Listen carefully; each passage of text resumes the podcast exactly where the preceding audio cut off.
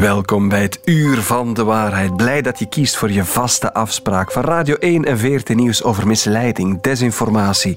Ik ben Dennis van den Buis en deze week ga ik na of we nog wel gekweekte zalm mogen eten. 40 keer meer dioxines of PCB's. In sommige contexten eten ze zelfs elkaars uitwerpselen. We ontdekken de gore berichten die kinderen krijgen vanaf het moment dat ze online zijn. Hey daar, stoute man hier, dominant en horny mood. Je bent nog veel te jong, sletje. En voor eens en voor altijd klaren we uit wat is nu het meest geschikt. Een BH dragen of alles lekker laten hangen. Wel, er zit heel veel in borsten, maar geen spierweefsel dat je kan trainen. Het Uur van de Waarheid. Met Dennis van den Buis. Wat komen onze kinderen tegen als ze zich online begeven? Bijvoorbeeld op Instagram, Snapchat, maar zeker ook via leuke chatwebsites waar je met onbekenden heel doelbewust een leuk gesprek kan aangaan. Experten waarschuwen voor de gevaren daarvan. En we hebben een van die experts bij ons die de proef op de som heeft genomen. Mathieu Verschragen, cyberexpert. Vroeger ook eh, actief bij de politie. Alles wat te maken heeft met online zaken en nu met een eigen bedrijf Mediavista. Mathieu, goedemorgen. Goedemorgen.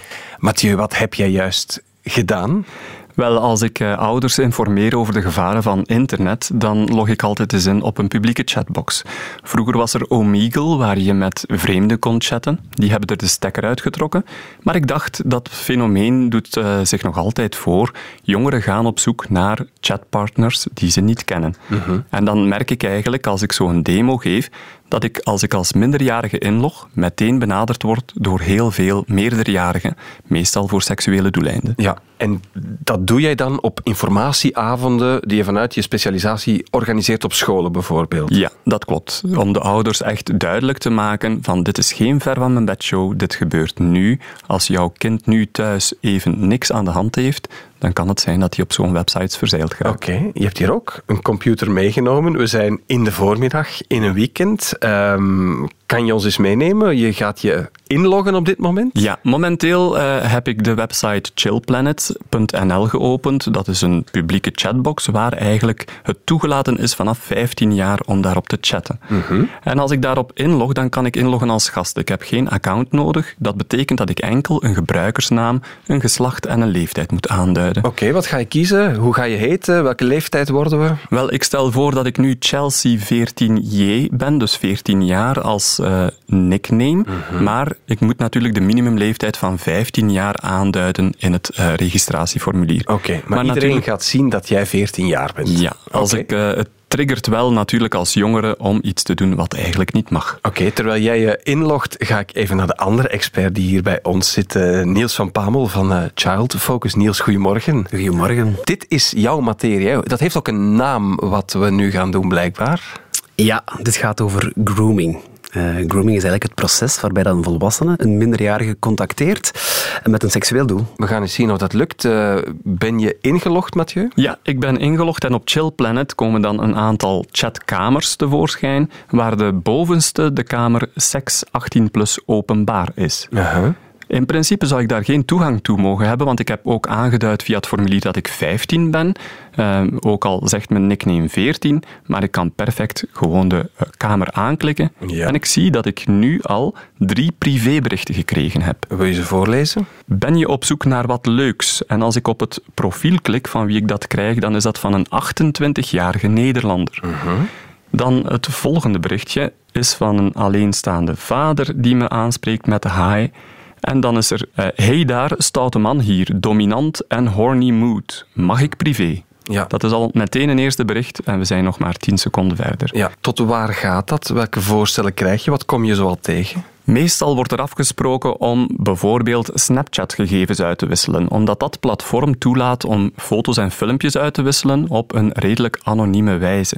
Um, eens dat je je Snapchat-naam doorgeeft als jongere, kan het ook zijn dat je live je, lo je locatie gaat delen met die mensen. Met mensen die je niet kent. Dus dat is een eerste gevaar. Vaak wordt er ook wel aangedrongen om eens fysiek af te spreken. En dat is natuurlijk nog veel gevaarlijker. Ja, je vertelt dat ook op die oudervergaderingen. Uh, welke reacties krijg je daar? De mensen um, lachen eerst om, omdat ze zien wat er allemaal gebeurt op het scherm. Maar als, als ik dan terugkoppel naar, kijk, op dit moment zitten jullie kinderen thuis. Wat als dit nu thuis aan het gebeuren is En dan komt het echt wel binnen. Mhm. Niels, ehm, vanuit Child Focus, hoe vaak krijgen jullie melding van ouders die ontdekken, oei, wat doet mijn minderjarig kind hier allemaal? Ja, daar zeg je het ook. Hè. Ouders die het ontdekken. Want 9 op de 10 gevallen die bij ons gemeld worden, zijn effectief ook ouders die het melden. Wat wil dat zeggen? Ja, dat kinderen het zelf niet melden. En dat zorgt ervoor dat het een, een enorm ondergerapporteerd fenomeen is. Hè. Bij Child Focus hebben we vorig jaar 36 dossiers geopend. Mhm. Maar als je erover nadenkt, weten we het helemaal niet. Dit is een, een een klein, klein tipje van de ijsberg. Er gaan sowieso veel, veel meer dossiers zijn. uit, de, uit, de, research blijkt, vaak worden er heel expliciete seksuele voorstellen gedaan. Heel snel uh, aan Mathieu zijn alter ego van 14, soms zelfs 12 jaar. Wil dat zeggen dat daar echt mannen op de loer liggen om toe te slaan bij minderjarigen? Is dat jullie aanvoelen vanuit Child Focus? Ja, ons aanvoelen zegt dat eigenlijk is het simpel. Hè. Waar kinderen zich online begeven, daar gaan predators, dus daar gaan groomers zich ook gaan begeven om net op zoek te gaan naar kwetsbare jongeren. Dus bijvoorbeeld zoals we hier hebben gezien, Chelsea 14 jaar, die naar een sekschat gaat. Ja, dat is iemand die de facto eigenlijk al een soort kwetsbaarheid toont van ik ben op zoek naar informatie over seksualiteit. En dan gaan mensen met die seksuele bedoelingen met, hebben met een minderjarige zich net daar gaan begeven. Hè. Uh, maar dat hoeft niet specifiek zo'n site te zijn. Je kan even goed gegroomd worden op de onschuldige websites, op gewone social media, op gamingplatformen online. dat moet je eens uitleggen. Op gamingplatformen. Mijn kind speelt een spelletje en dan? Heeft het spelletje een chatfunctie, wat ze meestal eigenlijk hebben, dan kan je daar gegroomd worden. Ja. Er reden ze meer waarom we bij Child Focus altijd zeggen in the game, about the game. Dus een kind moeten we aanleren om enkel te praten over het spelletje zelf, uh, want die chatfunctie zorgt ervoor dat je eigenlijk altijd uh, bereikbaar bent. Korte update, Mathieu, want je blijft kijken. Wat, wat zijn we nog tegengekomen? Welke voorstellen krijg je nog? Wel, momenteel heb ik een berichtje gekregen van een 23-jarige man die zegt, hey Chelsea, word je ook zo geil door deze site? Tot hoe ver durf je te gaan? Uh -huh. Het is een man die uh, heel actief is op dit platform, want hij heeft echt een volledig afgewerkt profiel. Dus ik zie ook uh, met wie hij bevriend is, met een aantal dames. De site heeft nog niet ingegrepen. Je bent nog altijd als 14-jarige openlijk zogezegd ja. aan het chatten daar. Dat klopt. Het is al gebeurd dat ik na vijf minuten geblokkeerd word op die site. Maar doorgaans, als ik mij niet te veel manifesteer in die publieke chatbox, dan blijft het fenomeen gewoon uh, duren. Ja, is dat iets wat minderjarigen ook vaak doen? Want chatten, dat klinkt voor mij als iets van vorige internettijden, in tijden van apps. Uh, hoe schatten jullie dat, uh, dat in? Is dit iets waar jongeren nog naar op zoek gaan op dit moment? Echt, en kinderen? Tuurlijk, jongeren willen contacten met elkaar online. En uiteraard de chatwebsites, de forums, de oudbollige forums, zoals we ze kennen van vroeger, die zijn aan het uitsterven. Maar de DM's, gewoon in social media, dat zijn ook chats. Eh, Instagram bijvoorbeeld. Instagram heeft een, heeft een DM-functie. Komt dat ook voor, Mathieu? Wel, ik heb een dossier als rechercheur gedraaid met een achtjarig meisje. Een achtjarig meisje dat een uh, gsm kreeg van haar ouders. Een smartphone die ze thuis mocht gebruiken op de wifi. En met hulp van neefjes en nichtjes is ze erin geslaagd om een Instagram-account aan te maken, waar de minimumleeftijd eigenlijk 13 jaar is. Ja, klinkt als leuke hulp van grotere neefjes en nichtjes, maar... Ja. Maar, maar ze had natuurlijk een profielfoto daarop gezet. Ze had haar uh, profiel op publiek laten staan om zoveel mogelijk volgers te kunnen krijgen, want anders moeten ze een verzoek sturen. En zat meteen een privébericht van een Nederlander, een man, die zei: Kijk, uh, ik heb voor jou een nieuwe iPhone, je moet daar wel wat voor doen. En hij begint met haar te chatten. En ze moest foto's doorsturen. Eerst gewone foto's in de privéchat, maar dan moesten dat seksueel expliciete foto's zijn en zelfs filmpjes met seksuele handelingen. En dat meisje van acht gaat er gewoon niet mee dan ook? Ja, zij is daarin meegegaan, verblind door het cadeau dat ze ging krijgen. Ze heeft haar thuisadres doorgestuurd, ze heeft heel veel foto's gedeeld en de ouders hebben het eigenlijk pas na twee dagen gemerkt dat er iets met hun dochter aan de hand was. Maar twee dagen, dat is niets, hè? Nee. Oh, dat is heel snel. Het is een mum van tijd dat zoiets kan gebeuren. Niels, wat, waar zijn die groomers op uit? Hier hoor ik al foto's. Zijn dat ook mensen die kinderen willen gaan ja, verkrachten, meenemen in pedofiele zaken? Hoe, hoe, hoe moeten we dat inschatten? Bij Child Focus differentiëren we twee types groomers. Dus enerzijds heb je de contact-driven groomers. Dat zijn degenen die echt effectief uit zijn op seksueel misbruik van een kind. Het kind uit de omgeving halen om misbruik uh, te plegen op het kind. Maar je hebt ook de content-driven groomers. Dus groomers die uit zijn op het vergroten van een collectie van beeldmateriaal van minderjarigen. Uh, dus eigenlijk van misbruikbeelden van minderjarigen. Uh, en die twee types leven naast elkaar, maar hebben daardoor ook een volledig andere modus operandi. Waarom? Iemand die wil afspreken met een kind neemt een veel groter risico dan iemand die zich achter de veiligheid van een VPN of, of geëncrypteerde sites, hè, want het, meestal gaan ze proberen het slachtoffer te lokken naar, uh, naar een platform waar er encryptie wordt op toegepast. Dat een VPN verbergt eigenlijk je, je digitale paspoort, waardoor ze mensen kunnen identificeren en zeggen daar komt dit signaal vandaan. Maar dat gebruiken die groomers dan allemaal. Inderdaad, en ze achten zich dan ook uh, heel, heel veilig online. En dat is ook een, een groot deel van het probleem. Uh, en daarnaast zien we ook, we merken het nu gewoon live, mhm. dat die platformen veel te weinig hun verantwoordelijkheid nemen. Chelsea is nog altijd online, Mathieu? Ja, ik heb ook nog een uh, melding gekregen van iemand die zegt je bent nog veel te jong, sletje. Uh, zo noemt hij mij. Uh-huh. Uh, nu krijg ik een berichtje binnen. Ik ben Roy, 34 jaar, 1,90 meter lang, 77 kilogram, blauwe ogen en 19 centimeter. Ja, dat zal niet gaan over de afmetingen van zijn Little Pony. Het lijkt me sowieso niet iets waar je een 14-jarig meisje mee moet bestoken. Niels, van Child Focus. Als je dit hoort, alles is seksueel op dit platform, maar ook op Instagram, in games moeten we smartphones dan gewoon helemaal afnemen en toch maar beter verbieden onder een bepaalde leeftijd? Nee, uiteraard niet. Hè. En ook al zouden we dat willen als ouders willen, proberen, het gaat ons nooit lukken, want jongeren gaan altijd een manier vinden om geconnecteerd te zijn en om, om, om online te zijn. Dus het belangrijkste zal, bestaat erin om jongeren te wapenen om online te kunnen navigeren veilig en om rode vlaggen te zien. Uh, om te begrijpen dat wanneer een volwassene hen contacteert en rare vragen begint te stellen, om dat af te wimpelen. Om mhm. erover te gaan praten met een volwassene die ze vertrouwen. Dat zijn de zaken waarop we moeten inzetten. Op um, het wapenen van minderjarigen en niet... Uh, niet een gouden kooi waar we in plaatsen, want daarmee gaan we weinig oplossen. Maar ik kan me voorstellen dat dit vaak na de feiten komt. Of wanneer er al iets gebeurd is dat ouders doorhebben. Oei, wat, wat, waar is mijn kind mee bezig? Of uh, oei, heb ik die smartphone niet te vroeg gegeven? Mhm. Kan het wel preventief gebeuren? Mathieu, je komt in scholen bijvoorbeeld. Ja, ik kom uh, al in, uh, op heel jonge leeftijd in de klasse om daar toch informatie over te geven. Niet te expliciet. Gelukkig zijn er heel wat preventiematerialen beschikbaar, onder, onder andere ook materialen van Child Focus die daarbij kunnen helpen. Mhm. En het is belangrijk om gewoon het fenomeen duidelijk te maken. Om te zeggen van kijk, wat is een groomer? Wat is nu een online kinderlokker? En wat gaat die allemaal doen? Zodanig dat als het gebeurt, dat ze het herkennen en dat ze het kunnen melden, de kinderen, aan een vertrouwenspersoon. Er komt nog wel vaak een extra misleidende dimensie bij. Nu zijn dit mannen die zeggen: hey, ik ben 24, ik ben 38 je kan het toch ook meemaken dat ze zich voordoen als een leeftijdsgenoot, Niels? Tuurlijk, en uh, net daarom dat, dat, die tweedeling zo belangrijk is. Uh, degenen die willen afspreken met een kind, ja, die kunnen niet liegen over hun leeftijd, want ze moeten effectief kunnen herkend worden door het kind wanneer ze afspreken. Dus ja, iemand van 40 kan dat wel zeggen, ik ben 30, maar ze gaan niet kunnen zeggen dat ze minderjarig zijn. Terwijl degenen die gewoon beelden willen verzamelen, ja, die gooien gewoon massaal lijntjes uit en die zeggen, ja, ik ben ook 15, ik ben ook 12, want dan is de kans gewoon groter. Wat doe je dan? Eerst en vooral, ik wil niet aan victimblaming doen, hè, maar er zijn wel een aantal tips die we kunnen geven aan, aan kinderen en jongeren wanneer ze online navigeren uh, om, om toe te passen. Hè. Zoals ik daarnet al zei, in the game, about the game. Wanneer dat je iemand eigenlijk nog nooit in het echte leven hebt gezien of kent, dan hoef je er misschien ook geen seksueel getinte gesprekken mee te hebben. Uh, er, zijn nog, er zijn nog veel andere zaken. Hè. Bijvoorbeeld, heb je een profiel op Instagram, maak het gewoon een, een privé profiel. Want de waarde van een like van iemand die je niet kent, die is nul. Dat zijn, dus we hebben zo heel wat tips die we verzamelen op onze website ook. Maar uh, ik zeg het, ik wil vooral niet aan victimblaming doen, omdat ik wil niet de indruk wekken dat het probleem bij het kind ligt. Hè. Dat is absoluut. En de platformen hebben ook een grote verantwoordelijkheid, onthoud ik. Leidt dit ook vaak echt tot ja, vervolgingen, rechtszaken, politieonderzoeken, Mathieu? Ja, bij de politie spreken we vorig jaar van uh, eh, 88 effectieve aangiftes die in onderzoek gaan.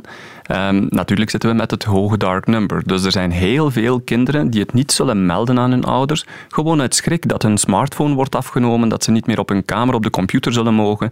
Uh, zij zijn eigenlijk het slachtoffer. Zij moeten beschermd worden en niet gestraft worden voor deze zaken. Want hier is ook nog heel veel schaamte over, kan ik me voorstellen. Ja, je hebt de schaamte, maar ook nog eens de lage zelfidentificatie als slachtoffer. Omdat uh, jongeren die gekroomd worden, die leven echt vanuit de, de gedachte dat ze samen met die, met die groomer een soort relatie aan het opbouwen zijn. Een vertrouwensband, van, een gelijkwaardige vertrouwensband. Uh, dus vele slachtoffers gaan zichzelf niet als slachtoffer zien. En daarom dat het net zo belangrijk is dat, we met hen in gesprek gaan en dat, uh, we hier, hier, hiermee aan de slag kunnen. Absoluut. Uh, we gaan al die tips en links naar bijvoorbeeld die site van Child Focus ook op onze website van VRT Nieuws zetten. Want we kunnen hier denk ik nog heel veel over vertellen. Mediawijsheid van kinderen en ouders is heel belangrijk. Misschien tot slot, Mathieu, nog even naar Chelsea. Hoe gaat het nog met haar digitaal? Ze blijft populair. Ze krijgt nog steeds berichten binnen en we kloppen momenteel af op een veertigtal berichten die we gekregen hebben. Hier is werk aan de winkel, zoveel is duidelijk. Ehm, Niels van Child Focus en Mathieu van Mediavista, dank jullie wel om hier bij ons te zijn. Met plezier. We gaan het hebben over smeugenzalm, want daar is iets mee aan de hand. Ik heb een van de meest vervuilde producten ter wereld meegenomen, namelijk gekweekte zalm. Dit is een filmpje op TikTok van de account Your Health, dat al meer dan 800.000 keer bekeken is. En, zegt dat account, gekweekte zalm, of het nu gerookt is of vers, Vergeet het, er is van alles mee aan de hand. Een van die redenen is dat het geverfd wordt met een kunstmatige vorm van astaxanthine. En daardoor krijgt het ook die eh, mooie oranje kleur. Ook worden er 40 keer meer dan in andere eiwitrijke producten bepaalde toxische stoffen gevonden, zoals uh, dioxines of PCB's. Een ander nadeel van gekweekte zalm is natuurlijk de leef uh, condities waar ze in leven. Dus ontzettend slecht, zitten ontzettend dicht op elkaar. In sommige contexten eten ze zelfs elkaars uh, uitwerpselen. Het is vuil, het is geverfd, het is giftig, het gaat viraal dit filmpje. Veel mensen zeggen, wat mogen we nog wel eten? Maar klopt dat ook? We gaan het eens vragen aan professor levensmiddelen Bruno de Meulenaar aan de Universiteit van Gent. Bruno, goedemorgen. Goedemorgen. Ja, dat eerste misschien, hè, dat is een geverfde vis. Die kleur, dat mooie zalmroze, is niet echt. Er wordt ook een stof vermeld. Klopt dat? Is die zalm gekleurd? Zalm is inderdaad gekleurd. Uh, de zalm eet namelijk schaaldiertjes en, en de zalm is een roofvis. Maar onder andere in die schaaldiertjes, denk aan garnaal, zit een kleurstof, astaxanthine, die als je die garnaaltjes gaat koken, wordt die mooie roze. Maar dat komt van garnalen, zeg je? De man in het filmpje beweert, dat is daarmee geverfd. Met andere woorden, dat is nadien aangebracht. Klopt dat dan nee, niet? Nee, nee, dat klopt helemaal niet. Dat wordt wel aan het voeder toegevoegd. Die worden gekweekt op open zee. Of in, in fjorden bijvoorbeeld. hè. Mhm. Dus in een... ehm, in die zin kunnen zij wel relatief vrij rondzwemmen. Natuurlijk wil je niet dat die zalmen ontsnappen. Ze zitten wel in een soort kooi, maar die kooien zijn behoorlijk groot. Dat heeft een voordeel in die zin dat je heel goed kan controleren wat je aan die vissen geeft. Het nadeel is dat dat dan natuurlijk een beetje kunstmatig klinkt, hè, omdat je die natuurlijk, ja, je moet die gaan voederen. In het visvoeder kan die kleurstof van nature uit aanwezig zijn, maar dikwijls is het wel zo dat dus ehm, die kleurstof net dezelfde moleculen voor alle duidelijkheid, maar synthetisch aangemaakt. Uh, Is dat, gevaarlijk? Nee, nee. nee. Dus uh, er zijn heel wat moleculetjes die natuurlijk voorkomen, maar die gewoon uh, ja, worden gemaakt op, op, op industriële schaal. Een, een klassiek voorbeeld is citroenzuur. Dat wordt dan gemaakt via fermentatie. Maar ja, dus dat, dat gebeurt heel dikwijls omdat het gewoon veel te, te duur is om, om ja, die, die natuurlijke stoffen dan uit, uit natuurlijke hulpbronnen te gaan halen. Uh -huh. Dus dat dus, zalmvlees mag ik niet zeggen, maar de zalm krijgt de kleur wel door de voedingsstoffen of de kleurstoffen ja. in de voeding. Klopt. Die kan chemisch zijn, maar dat is ook niet gevaarlijk. Dus daar moeten we ons misschien geen zorgen over maken. Ander punt van deze TikToker. Heel veel PCB's en dioxines, 40 keer meer dan in andere eiwitbronnen, zit er in gekweekte zalm. Klopt dat? In kip zal zeker minder dioxine en PCB zitten dan in een vette vis. Ja, dat klopt. Uh, het is namelijk zo dat dioxine en PCB's één zijn vetoplosbaar. Twee, zij hebben de eigenschap om eigenlijk te accumuleren in uh, voedselketens omdat zij zeer slecht afbreekbaar zijn. Dus dat betekent eigenlijk dat als je in een voedselketen, zoals die bijvoorbeeld van de zalm, gaat kijken, de zalm zit daar op het einde van die voedselketen. Ik heb daarnet gezegd dat zalm een roofvis is. En dus met andere woorden, die eet eigenlijk visjes op die al iets anders hebben gegeten. Maar in heel die voedselketen, als je volledig aan het begin van die voedselketen gaat kijken, ja, dan ga je zien dat die beestjes, die organismen, ja, die bevatten dioxine en PCB's, maar heel weinig. Maar die beestjes worden opgegeten door een hoger organisme. Die eten daar relatief veel van, waardoor natuurlijk de concentratie aan die stoffen gaat toenemen. En is dat ja? gevaarlijk als wij dat eten? Ja, dioxine en PCB's, voor alle duidelijkheid, zijn toxisch. Hè, dus dat, dat is juist. Gemiddeld mag je toch wel aannemen dat, dat bijna iedereen in de populatie te veel dioxines en, en PCB's eet. Nu, voor alle duidelijkheid, die komen niet alleen van zalm. Maar natuurlijk, de aquatische voedselketen is daar heel gevoelig aan. Omdat ja, die dioxines en die PCB's die zitten nu eenmaal in het milieu. Dus die komen daar onvermijdelijk in terecht. Dus in één portie zalm misschien geen probleem voor de mens, maar als je dat elke dag eet of in je dieet heel hard meeneemt, wat ook vaak geadviseerd wordt of door bepaalde hypes gedaan wordt, dan kan het wel gevaarlijk zijn.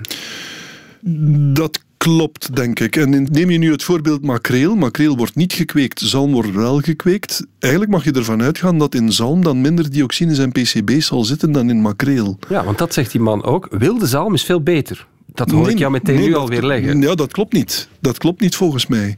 Het hangt ervan af van waar dat je die wilde zalm gaat vangen. Mhm. dus als dat, als dat in Alaska is, waar bijna geen enkele industrie in de omgeving is, ja, dan gaat dat milieu daar ook weinig gepollueerd zijn.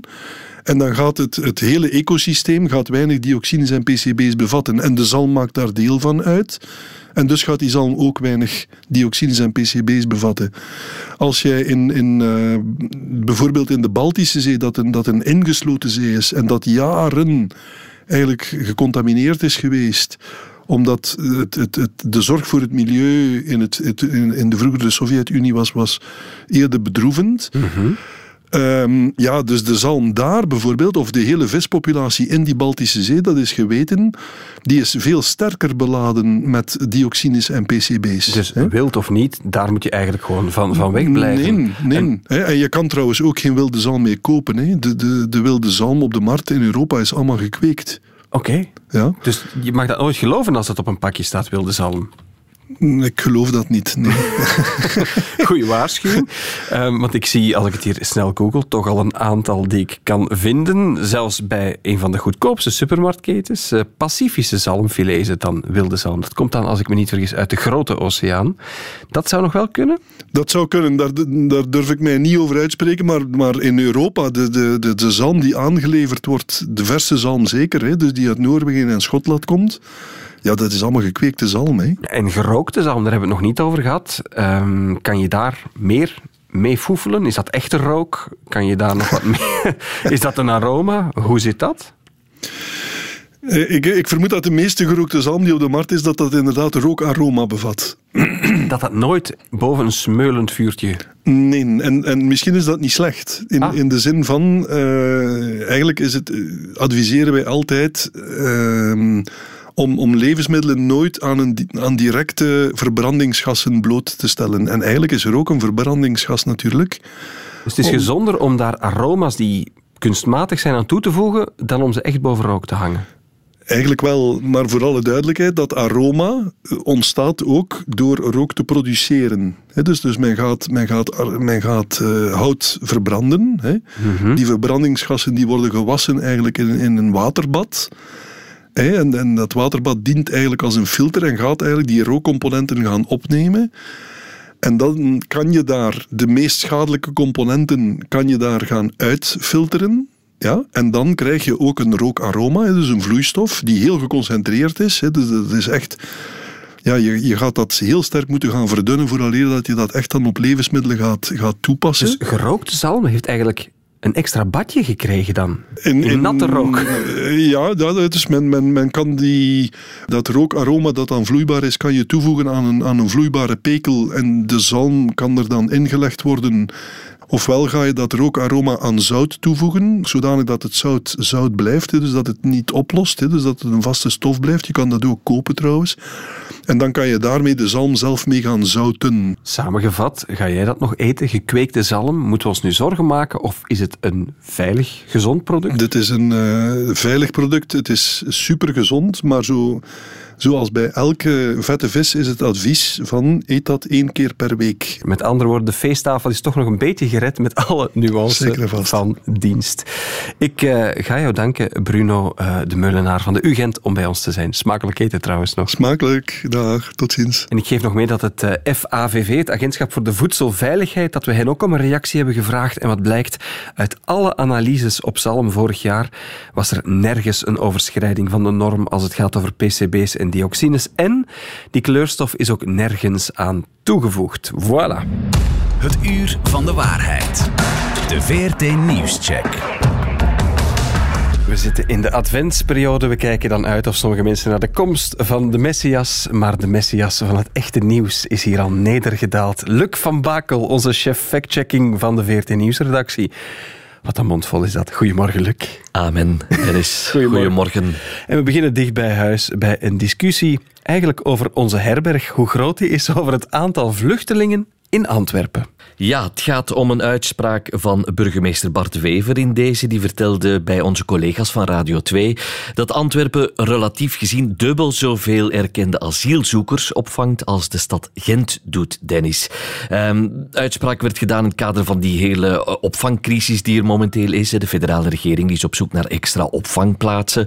En minister van Volksgezondheid Frank van den Broeke die wierp dan de suggestie op om het vroegere Stuivenberg ziekenhuis in Antwerpen dan maar in te schakelen als een Uiteraard kwam daar heel veel reactie op, onder meer dus van Bart Wever. Maar klopt zijn uitspraak nu? Vangt Antwerpen relatief gezien dus dubbel zoveel mensen op als Gent? Dat onderzocht Tex van Berlaar van Krak. Wel ja, de uitspraak klopt. Hè. Um, wij hebben cijfers opgevraagd bij het kabinet van Bart de Wever en bij zijn evenknie uit Gent, Matthias de Klerk. En zij bevestigen dat. Dus in Antwerpen gaat het om een kleine 11.000 erkende vluchtelingen en subsidiair beschermde, om volledig te zijn, uh, mensen. In Gent gaat het om 2716. Nu, Antwerpen heeft ongeveer dubbel zoveel inwoners uh, als Gent. Dus dat betekent dat uh, Antwerpen meer dan het dubbele heeft, uh, relatief gezien, dan Gent. Een hele formule, maar heeft Bart de Wever een punt? Daar bestaat geen twijfel over. Maak dat mee, Elio Di Rupo, die Bart de Wever gelijk geeft. Uh, bij benadering klopt dat dus als je kijkt naar het inwonersaantal, die uitspraak. We gaan opnieuw naar het Israëlische conflict met uh, de Palestijnen, want daar is het geweld de afgelopen dagen opnieuw opgeleid. En we kregen opnieuw vragen binnen, deze keer over een website, hamas.com. Ja, die website. Mensen vroegen zich af of die wel echt is. Um, we zijn eens naar die website gaan kijken. En als je er dan op komt, dan krijg je een muziekje te horen. Ik heb een kort fragmentje bij. Dus dat muziek, het zegt op zich niet veel. Maar helaas, als je dat dan hoort, zie je daar ook heel veel bloederige tafereelen bij op die website. Dus bij deze, ja, je moet daar zeker niet naartoe surfen. Er wordt op die website dus eigenlijk gepronkt met het aantal Israëlische doden dat er gevallen is. Er staat ook een teller op met het aantal slachtoffers. Maar ja, de vraag dus, wie zit er achter die website? Is dat nu Hamas? Uh, dat bekeek Ellen de Bakker van onze redactie. Voorlopig hebben wij geen bewijs dat die website effectief van Hamas afkomstig is. En er zijn eigenlijk verschillende elementen die in een andere richting wijzen. Bijvoorbeeld ten eerste is het discours helemaal anders dan het officiële discours van Hamas. Officieel zegt Hamas bijvoorbeeld dat zij geen burgers hebben gedood, terwijl er natuurlijk wel bewijzen voor zijn. Maar op deze website pronken ze zelfs met de doden die dat zij gemaakt hebben. En als we dieper gaan kijken, zien we ook dat die website pas heel recent in gebruik genomen is. Samengevat, echt hard bewijs dat het wel van Hamas is, hebben we niet. Ook niet dat het niet van Hamas kan komen, maar heeft Hamas een officiële website bijvoorbeeld, Luc? Ja, Hamas heeft ook een officiële website. Die eindigt op .ps in plaats van .com, zoals deze doet. Mhm. Die website is wel offline, maar het is maar een van de aanwijzingen die ons doet concluderen dat, ja, dat Hamas hier waarschijnlijk toch niet echt achter zit. Wie dan wel? ja, dat, weten we eigenlijk niet. We zien ook dat die beelden die erop staan voornamelijk gedeeld worden, of toch aanvankelijk gedeeld werden door pro-Israëlische kanalen. Uh, sommige kranten in Israël die wijzen naar Israël zelf, dat dat als een soort propagandatool wordt ingezet. Maar ook dat kunnen wij niet echt bewijzen. Dus wij blijven liever voorzichtig en concluderen dat we het niet weten. Dat is ook een vaststelling die we soms moeten doen. Laten we dan eindigen dicht bij huis. Want als ik naar buiten kijk, het is koud, het is grijs, de dagen korten in. En dan zien we op sociale media niet toevallig weer heel veel reclame voor vitamine, supplementen die we zouden nodig hebben. Voedingssupplementen met vitamine D zie je nu heel veel voorbij komen, Dennis. Vitamine D uh, is belangrijk voor je beendergestel, zou ook helpen tegen depressies of uh, uh, tegen hart- en vaatziekten. Het is een vitamine die je dus via de huid kunt aanmaken door blootstelling van zonlicht. En natuurlijk, ja, ik moet het jou niet vertellen, zonlicht is iets wat we uh, helaas heel weinig hebben gezien de afgelopen weken. Maar moet je daarom nu supplementen gaan innemen? Dat vroegen we aan voedingsdeskundige van Gezondheid en Wetenschap, Patrick Mully. Nee, zeker niet voor een normale gezonde persoon. Er is eigenlijk geen enkele studie die aantoont dat een normale gezonde volwassen persoon extra vitamine D nodig heeft. Zeker in de winter. Hè. We weten allemaal, in de winter is er natuurlijk minder zon. En onder de zon, uh, in de huid, vormen wij vitamine vitamine D. Maar als er minder zon is, heb je natuurlijk minder vitamine D in je huid. Ik denk dat je veel beter je portemonnee dicht houdt of die eventueel open doet om wandelschoenen te kopen en een beetje buiten rond te lopen om geacht het weer. Ik denk dat dat veel meer zal doen aan je gezondheid. Dus hebben we die voedingssupplementen nodig? Nee, zeggen de mensen van gezondheid en wetenschap. Maar luk, veel buiten komen, dat zou volstaan. Maar we hebben toch wel minder vitamine D op dit moment, denk ik, hè? Ja, dat Klopt, eh, er is onderzoek naar gebeurd en blijkt dat ongeveer 90% van de Belgische bevolking op het einde van de winter, we hebben dus nog een aantal maanden de tijd, toch een gebrek heeft. Aan vitamine D, is dat dan niet erg? D. Ja, dat kun je jezelf afvragen, maar voor gezonde mensen, we hebben het hier voor alle duidelijkheid niet over mensen met een aandoening, zijn er tot op vandaag, en er zijn al heel wat studies aangeweid, geen gezondheidsvoordelen aangetoond wetenschappelijk. Van dus extra vitamine D innemen. Dat die uh, supplementen die je neemt, dat die positief zouden zijn voor je gezondheid. Interessant, want daar wordt toch heel wat onzin over verkocht. Letterlijk en figuurlijk ook in de vorm van supplementen dan blijkbaar. Luc, waar kunnen we dit allemaal nalezen? Het zijn heel uiteenlopende verhalen, maar je kunt ze allemaal terugvinden op de website van de checkers.be. Daar vind je alle factchecks van VRT Nieuws, van KNAK en van Factcheck Vlaanderen terug. Of je kunt ook eens een kijkje gaan nemen op de website van Gezondheid en Wetenschap. En op naar buiten voor een wandeling. Luc van Baken, tot volgende week. Tot volgende week. Je hebt er eventjes op moeten wachten in uh, dit uur van de waarheid, maar we gaan het eindelijk hebben over borsten. Want, zo lazen we in het wetenschappelijke tijdschrift EOS, er worden allerlei claims gedaan over het feit of het nu wel of niet gezond is om een BH te dragen. En een zelfverklaarde gezondheidsbegeleidster, Leen Steyaert, die haalt heel wat media met de bewering dat BH's slecht zijn, dat je beter je borsten de vrije loop kan laten, want anders worden er bepaalde goede stoffen tegengehouden door BH-bandjes. Je borsten worden ook steviger van geen BH te dragen. Klopt dat allemaal wel? Chris Monten is bij mij radiotherapeut, oncoloog van het UZ Gent, die gespecialiseerd is in alles wat met borsten te maken heeft. Chris, een heel goedemorgen. Goedemorgen.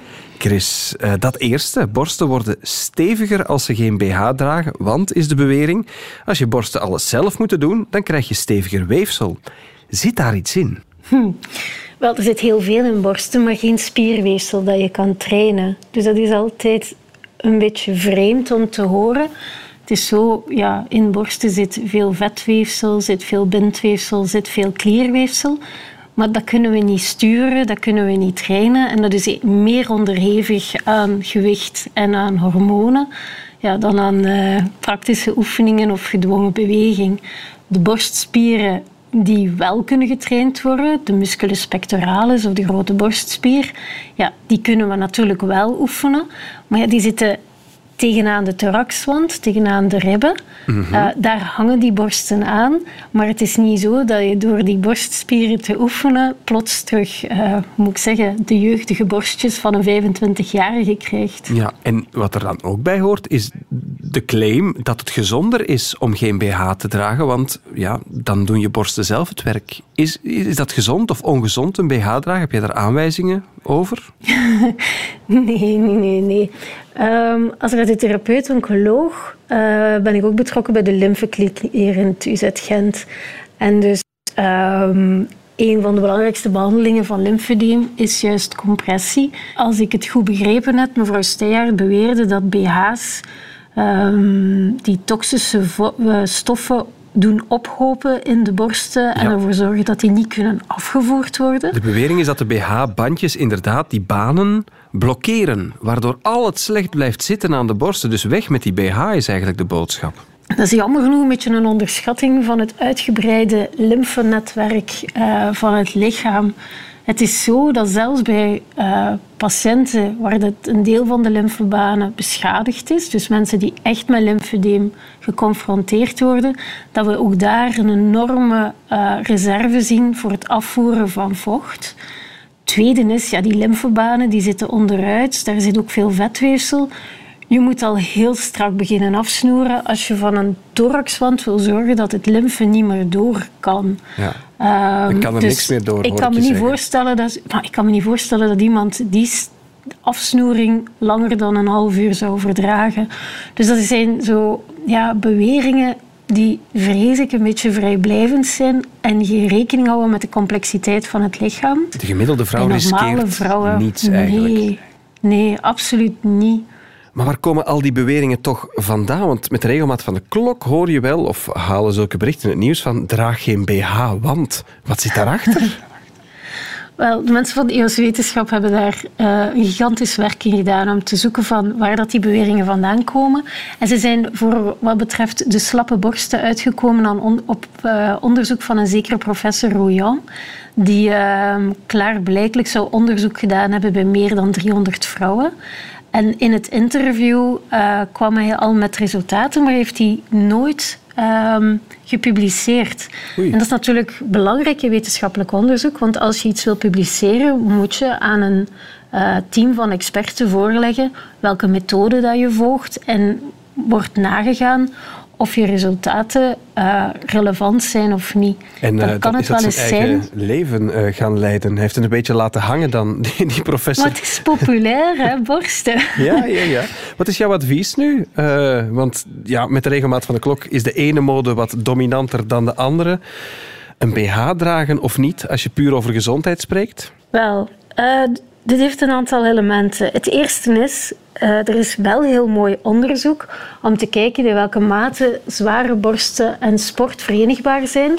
En daar heeft men echt in een peer-reviewed artikel kunnen aantonen dat bij zwaardere borsten de zin om te bewegen en de zin om te sporten vermindert omwille van de pijn. Want zware borsten, vrouwen met zware borsten weten heel goed dat als ze zelfs al maar de trap afgaan, dat, die, dat het gewoon pijn doet door, door, door, ja, door de beweging. Het tweede is, ja, vrouwen horen ook vrij te zijn om te kiezen wat ze willen.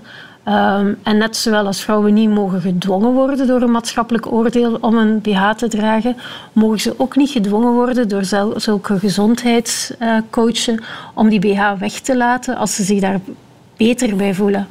Maar vanuit mijn ervaring als arts in borstkanker zie ik nog een derde gevaar. Dat is dat veel vrouwen die borstkanker ontwikkelen, hebben ergens toch een stem van binnen die zegt van ja, en ben ik daar niet zelf schuld aan? En als je verhalen leest in de pers waar men zegt van ja, maar als je een BH draagt, dan kunnen die toxische stoffen niet weg. En ben je, want dat zit daar dan achter, eigenlijk zelf een beetje de oorzaak van jouw borstkanker. Ja, dan maakt het voor die vrouwen echt wel niet makkelijker om zulke disruptieve diagnose een plaats te geven in hun lichaam. Um, dan is dus fake news heel gevaarlijk, inderdaad, om Dan wordt fake news ineens gevaarlijk, ja. En laten we dat vooral niet willen beogen. Uh, Dank je wel voor het advies en de wetenschappelijke inzichten vanuit het UZ Gent. Uh, radiotherapeut en oncoloog Chris Monte. Dank je Dag. En daarmee zit deze podcast van het Uur van de Waarheid er weer op. Een co-productie van VRT Nieuws en Radio 1. Wil je meer weten over de wonderenwereld van desinformatie, complottheorieën en fake news? Herbeluister dan alle eerdere afleveringen. Dat kan via de app van VRT Max. Tot de volgende.